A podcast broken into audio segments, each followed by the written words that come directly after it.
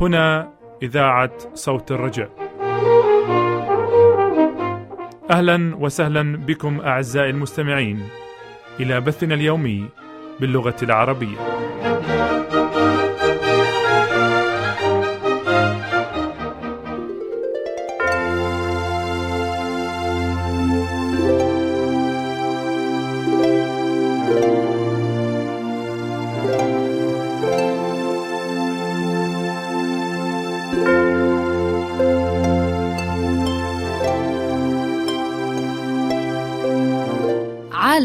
الصحة.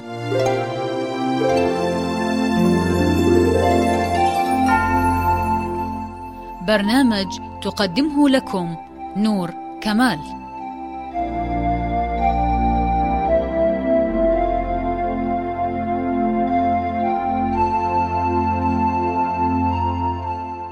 الزيوت النباتية وفوائدها الصحية.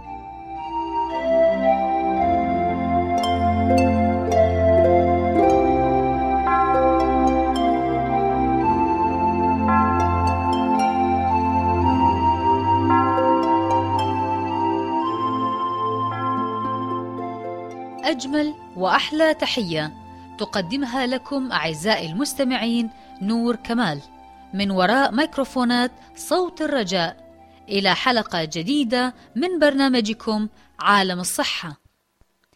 راجية من الله تعالى أن تقضوا برفقتي وقتا ممتعا مع برنامج اليوم. فرافقوني ولكن بعد هذا الفاصل الموسيقي فأهلا وسهلا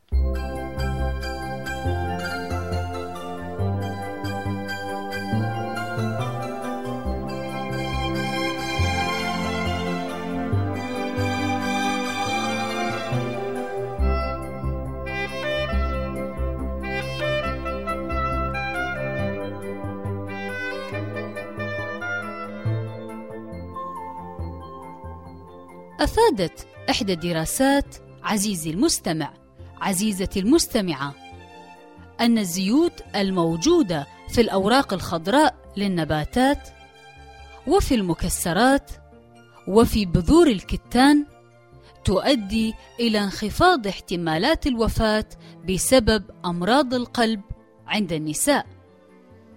وجاءت الدراسة في معرض العثور على بدائل لزيوت الأسماك والتي راجت إشاعات مؤخرا أن الأسماك تحوي على مستويات مرتفعة من الزئبق.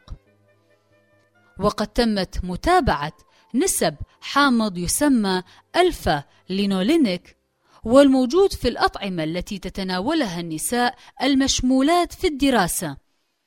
وتوصل الباحثين إلى أن هذا الحامض يترافق مع انخفاض خطورة الوفاة بسبب أمراض القلب.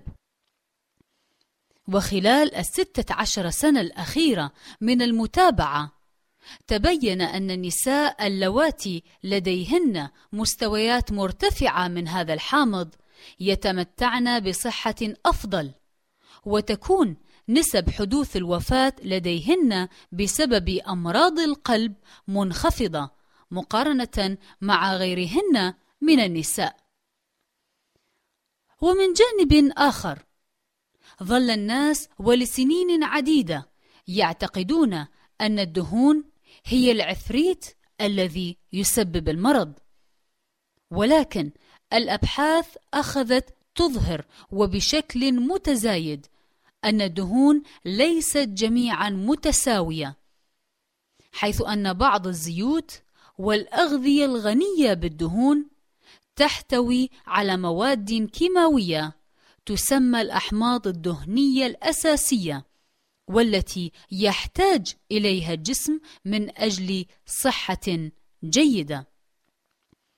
وهناك نوعان مهمان من الأحماض الدهنية الأساسية والتي تحتاج إليها أجسامنا وهي الأوميغا 3 والأوميغا 6 ولكننا نحتاج إلى هذه الأحماض بشكل متوازن وصحيح وذلك من أجل حماية القلب والمفاصل والبنكرياس واعتدال المزاج وأيضا صحة الجلد.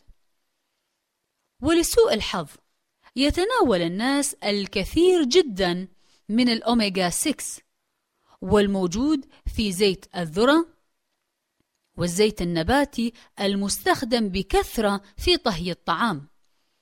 وقد وجد أن الكثير من حامض الأوميغا 6 يسبب ارتفاع ضغط الدم وتخثر الدم والذي يؤدي بالتالي إلى النوبات القلبية والجلطات الدماغية وأيضا تراكم السوائل في الجسم. وكذلك لا يتناول الناس ما تحتاج إليه أجسامهم من حامض الأوميغا 3 والذي يقلل من خطر الإصابة بأمراض القلب والسرطان. ويوجد هذا الحامض الدهني في زيت السمك وفي الخضار الورقية وفي بذور الكتان والجوز. وينصح معظم الخبراء بتناول 30% من السعرات الحرارية اليومية على شكل دهون على الرغم من أن الإنسان يمكن أن يتمتع بصحة جيدة إذا تناول 20% فقط وحتى 10% ويتساءل الخبراء ما إذا كان الناس هذه الأيام يتناولون كميات كافية من الدهون الضرورية للجسم.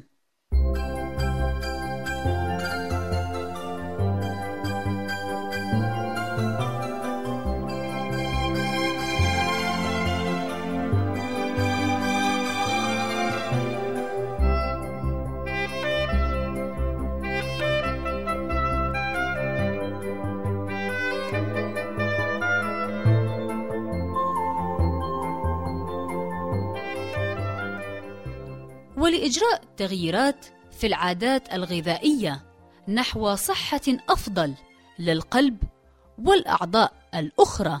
أعزائي ينصح العلماء بالبدء بتجنب الدهون الضارة والموجودة في الزيوت النباتية والتي عدلت كيميائيا لتصبح صلبة كالزبدة.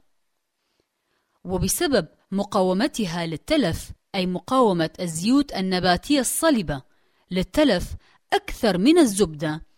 تستخدم هذه الزيوت المعدلة بكثرة في عمليات الطهي وفي تحضير البسكوت ورقائق البطاطا والبسكوت المحمص والأطعمة المخبوزة الأخرى التي تباع في الأسواق بالإضافة إلى المارجرين. وتسمى عمليات تعديل الزيوت النباتية. لتصبح صلبة بالهدرجة حيث تصبح هذه الزيوت قابلة للخزن لمدة أطول. ولكن هذه العملية تحول الزيوت النباتية الغير مشبعة إلى نوع من الكوليسترول من صنع الإنسان. ويمكن أن تؤدي هذه الزيوت المعدلة إلى زيادة مستوى الكوليسترول الضار وبذلك تزيد من خطر الإصابة بأمراض القلب. ومما يزيد من خطر هذه المواد على الجسم هي أن الجسم يمتصها بسرعة أكثر من أحماض الأوميغا 3 المفيدة. لذا فإن هذه الزيوت المعدلة لا تضر الجسم وحسب بل وتعطل حتى امتصاص الدهون المفيدة والضرورية للصحة. أما مدى الضرر الذي تحدثه هذه الدهون فيعتمد على الكمية التي يتناولها الإنسان. وينصح الخبراء الجميع بقراءة التعليمات الموجودة على عبوات هذه المواد خاصة ما إذا كانت عملية الهدرجة جزئية أو كلية. وكذلك ينصح الناس بالابتعاد عنها تماما إذا كان ذلك بالإمكان. ويقول العلماء أيضا أعزائي أن كمية المكسرات التي يتناولها المرء ليست بتلك الأهمية طالما لم تتم إضافة الملح والزيوت لها. وأظهرت الأبحاث الحديثة أن السيدات اللواتي يتناولن زبدة الفستق لخمسة مرات أو أكثر أسبوعياً. أظهرنا استعداداً أقل بنسبة 30% للإصابة بالسكري النوع الثاني. ومن المكسرات المفيدة أعزائي اللوز والجوز، وقد أظهرت هذه فوائد للقلب حيث تعمل على تخفيض الكوليسترول الضار. كما أن الجوز في الوقت نفسه عزيزي مصدر مهم للحامض الدهني الأوميغا 3 وفي الحقيقة لا توجد مكسرات ضارة بالصحة. طالما لم تكن الأملاح أو الزيوت الضارة قد أضيفت إليها. ولكن من المهم أن نتذكر أن كافة أنواع المكسرات غنية بالسعرات الحرارية. وفي مجال تناول الأسماك ووجود الأحماض الدهنية المفيدة فيها فقد دخلت الأسماك عالم الأضواء منذ مدة ليست بالقصيرة. وخاصة تلك الأنواع التي تعيش في المياه الباردة. بما في ذلك السلمون والتونة والسردين كأفضل مصادر غنية بالبروتين والأحماض الدهنية من نوع الأوميغا 3 وقد أظهرت الدراسات أن الأشخاص الذين يتناولون السمك مرتين في الأسبوع يتعرضون لأمراض القلب بنسبة أقل من غيرهم. وكذلك وجد بأن نسبة أمراض السرطان بينهم أقل بالإضافة إلى تحسن في صحتهم العقلية وفي وظائف الدماغ. وقد دأب الأخصائيون أعزائي على إسداء النصح للناس للإقلال من تناول اللحوم الحمراء والاستعاضة عنها باللحوم البيضاء. والعلوم الحديثة تقول بأن إجراء تغيرات على نمط الحياة كالتوقف عن التدخين وممارسة الرياضة والتوقف عن تناول الكحول كلها لها تأثيرات جيدة في الصحة. أما بخصوص الزيوت فلم تختلف الرسالة الصحية حولها كثيرا. وأكثر ما يمكن أن يخبرها عنه العلماء هو الإكثار من تناول الزيوت المفيدة بدل الضارة. وهذه الزيوت المفيدة هي كزيت الزيتون وزيت الكانولا. حيث يعتبر زيت الزيتون والمتوفر بكثرة في بلدان الشرق الأوسط مفيد جدا على هذا المستوى حيث أنه يحتوي على الأحماض الدهنية غير المشبعة والتي لا تزيد من ضغط الدم أو مستوى الكوليسترول كما يعتبر مصدرا جيدا للفيتامين إي ومضادات الأكسدة. أتمنى أن تفيدنا هذه المعلومات أعزائي جميعا في الحفاظ على صحتنا. وفي الأخير أودعكم على أمل اللقاء بكم في الحلقة المقبلة من برنامجكم هذا.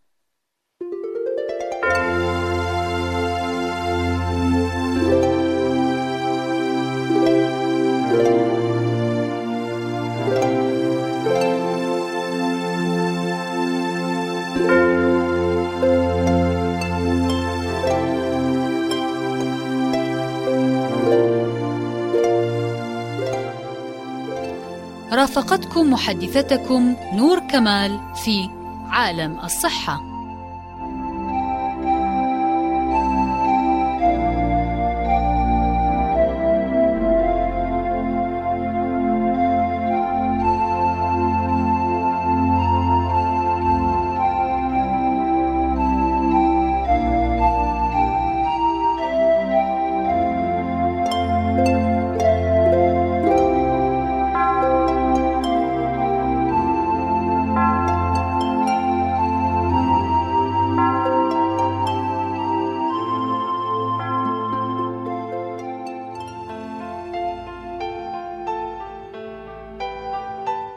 منير سلام ونور كمال. يشكرانك عزيزي المستمع لمرافقتنا خلال برنامج اليوم. وسنكون في غاية الفرح لأن نبعث لك بنسخة من حلقة اليوم أو بنسخة من مطبوعاتنا أو من دروسنا بالمراسلة. وسأكون في غاية الفرح لاستلام أسئلتك واستفساراتك ومقترحاتك وانطباعاتك والرد عليها شخصيا. وإذا ما أردت المزيد من المعلومات بشأن برامجنا باللغة العربية فاكتب لنا على العنوان التالي. عنواننا هو صوت الرجاء صندوق بريد 503 الرمز البريدي 1211 جنيف 12 سويسرا. نعيد العنوان باللغة العربية. صوت الرجاء صندوق بريد 503 الرمز البريدي 1211 جنيف 12 سويسرا. والرجاء كتابة العنوان باللغة الإنجليزية على النحو التالي. Voice of Hope P.O. Box 503 CH 1211 جنيفا 12 سويسرلاند ولك منا من وراء ميكروفونات صوت الرجاء. أرق وأحلى سلام. ولك من مهندس الصوت أنور عبد المسيح نفس المحبة والترحيب وإلى اللقاء مع برنامج قادم وليكن الرب معكم.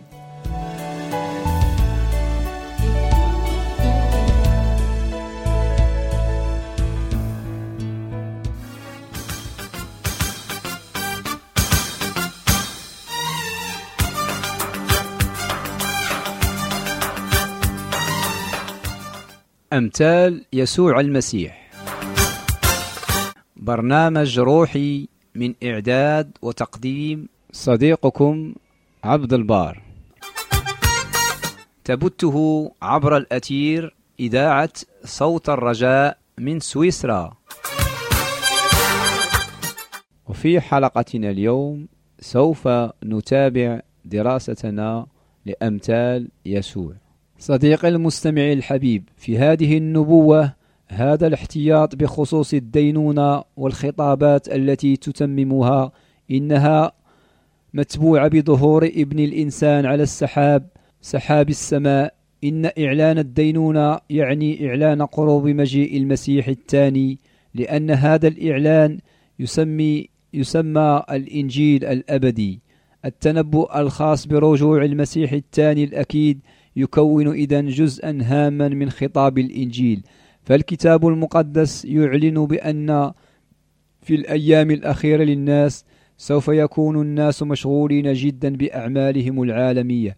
والجري نحو كسب المال بكثرة ستكون أعينهم مقفلة عن الحقائق الأبدية. وكما كانت أيام نوح كذلك يكون أيضا مجيء ابن الإنسان لأنه كما كانوا في الأيام التي قبل الطوفان يأكلون ويشربون ويتزوجون ويزوجون إلى اليوم الذي دخل فيه نوح الفلك, الفلك ولم يعلموا حتى جاء الطوفان وأخذ الجميع. كذلك يكون أيضا مجيء ابن الإنسان. إنجيل متى؟ الإصحاح الرابع والعشرين والآيتين السابعة والثلاثين والتاسعة والثلاثين. كذلك يا صديقي الغالي اليوم الناس لا يبحثون إلا على الغنى والشهوات الأنانية كما لو أنه ليس هناك إله ولا سماء ولا دينونة. ففي وقت نوح إعلان الطوفان جعل الناس يخافون لقبحهم وفسادهم ودعاهم للتوبة وللعودة لله. هكذا هو خطاب الرجل الرجوع القريب للرب يسوع. عليه أن يجذب انتباه الناس إلى هذا المجيء المجيد وأن يتحولوا عن شهواتهم وارتباطتهم الشديد بها. إن له هدف إفاقتهم للشعور للشعور بالحقائق الأبدية ويحثهم أن يتخذوا الحذر والاحتياط لدعوة الرب. إن الدعوة الإنجيلية هي لإعلامهم لإعلانهم للعالم أجمع كل أمة وقبيلة ولسان وشعب. سفر الرؤيا الإصحاح الرابع عشر. والآية السادسة واجب أن الخطاب الأخير الندير والرحيم يضيء كل الأرض بمجده أن يخترق كل طبقات المجتمع أغنياء وفقراء كبار وصغار. اخرج إلى الطرقات والسياجات وألزهم بالدخول حتى يمتلئ بيتي. عالمنا يتدمر. خطأ معرفة الإنجيل. هناك جوع وعطش كبيرين لكلمة الله الحية والمحيية. فهم قليلون أولئك الذين يبشرون بالخطاب الإلهي دون إدخال أو إقحام التقاليد والآراء البشرية. فكل من يملك الكتاب المقدس لا يحصل على بركاته. تلك البركات التي وضعها فيه الرب يسوع إلا إذا وصلت كلمة الله للجميع وخاصة لأولئك الذين يموتون في الخطيئة والله قد كلف خدامه الأمينين بأن يحملوا الدعوة للجميع ودون استثناء فعندما أعطى أمره بالذهاب إلى الطرقات والسياجات لقد حدد يسوع المهمة مهمة كل أولئك الذين دعاهم لخدمته. الأرض كلها هي حقل حيث يجب عليهم ممارسة عملهم. كل العائلة البشرية هي ممثلة في وسط خاصته. الرب يسوع يريد تمنح كلمته كلمة النعمة لكل روح والعمل الشخصي لكل واحد منا يدخل بشكل كبير في هذه المهمة.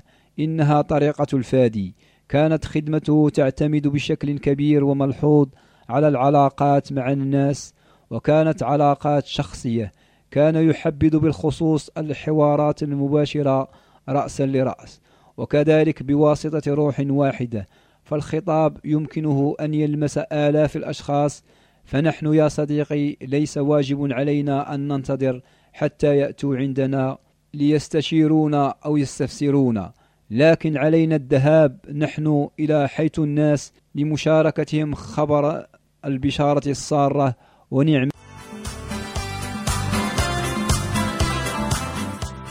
والآن أصدقائي المستمعين نستمع جميعنا إلى مقطع من هذه الترنيمة الجميلة وبعدها نتابع دراستنا لأمثال يسوع.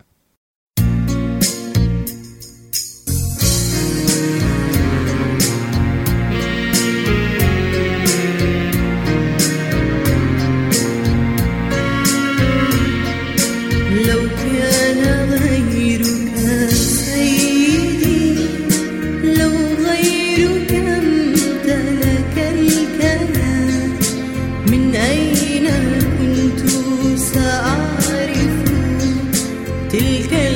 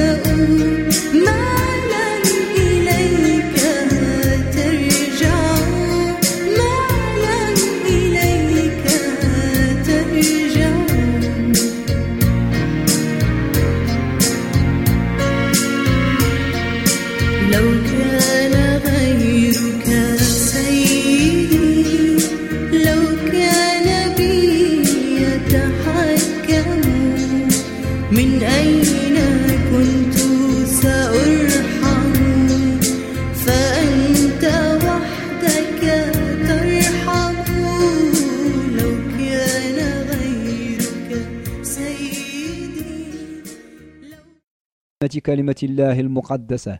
فربما يكون دورنا فعال أكثر من الخطابات التي تلقى في الكنائس وأرواح كثيرة جدا سوف لن تلمس بكلمة الله الحية إذا لم نذهب نحن ونبشر بها في أي مكان.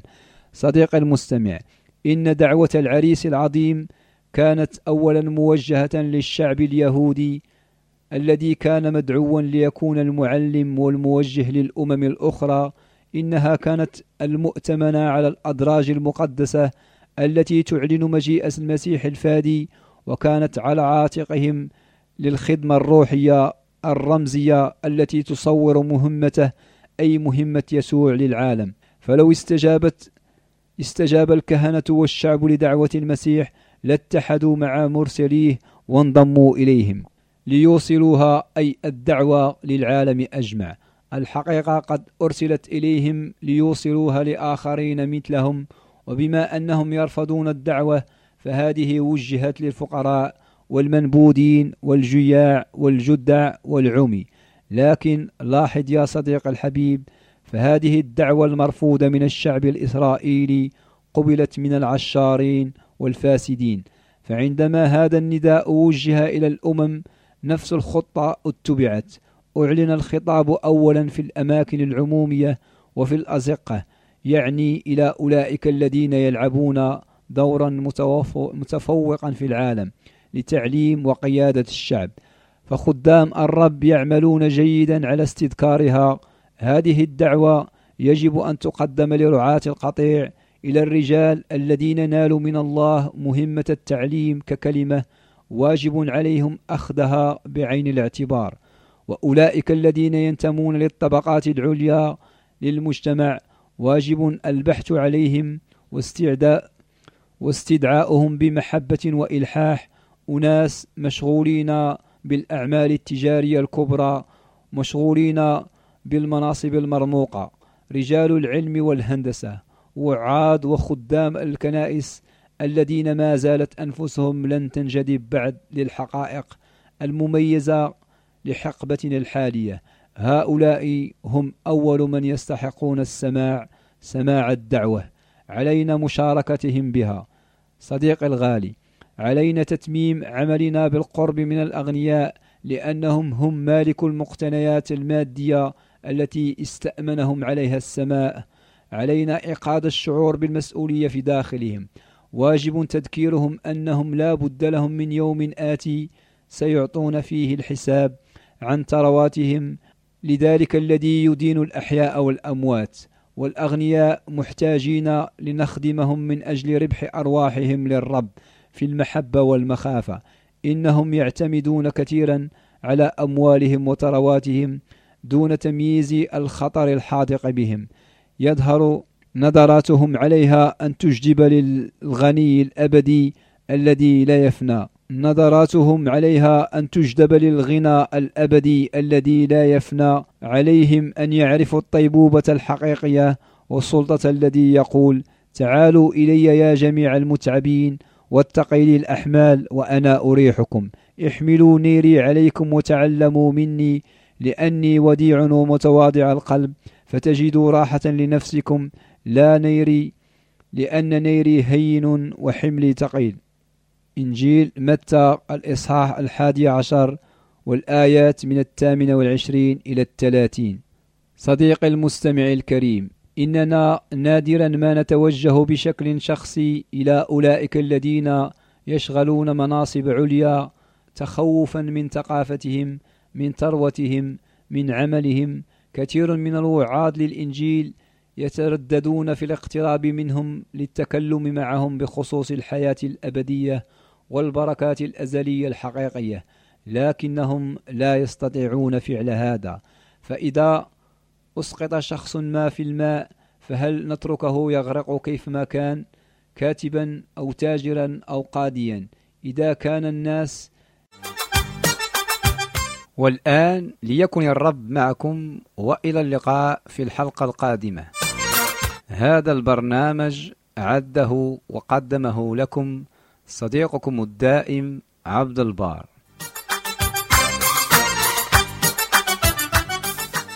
عنواننا صوت الرجاء. صندوق البريد 305 1211 جنيف 12 سويسرا. وأعيده باللغة الفرنسية والتي يجب كتابته بها إلينا La Voix de l'Espérance.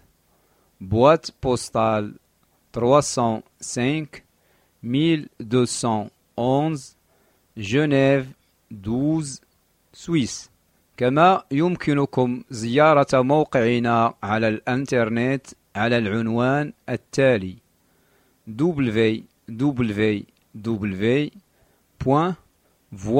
www.voixdelespérance.com ولا تنسوا أصدقائي المستمعين موعدنا في الحلقة المقبلة والرب معكم.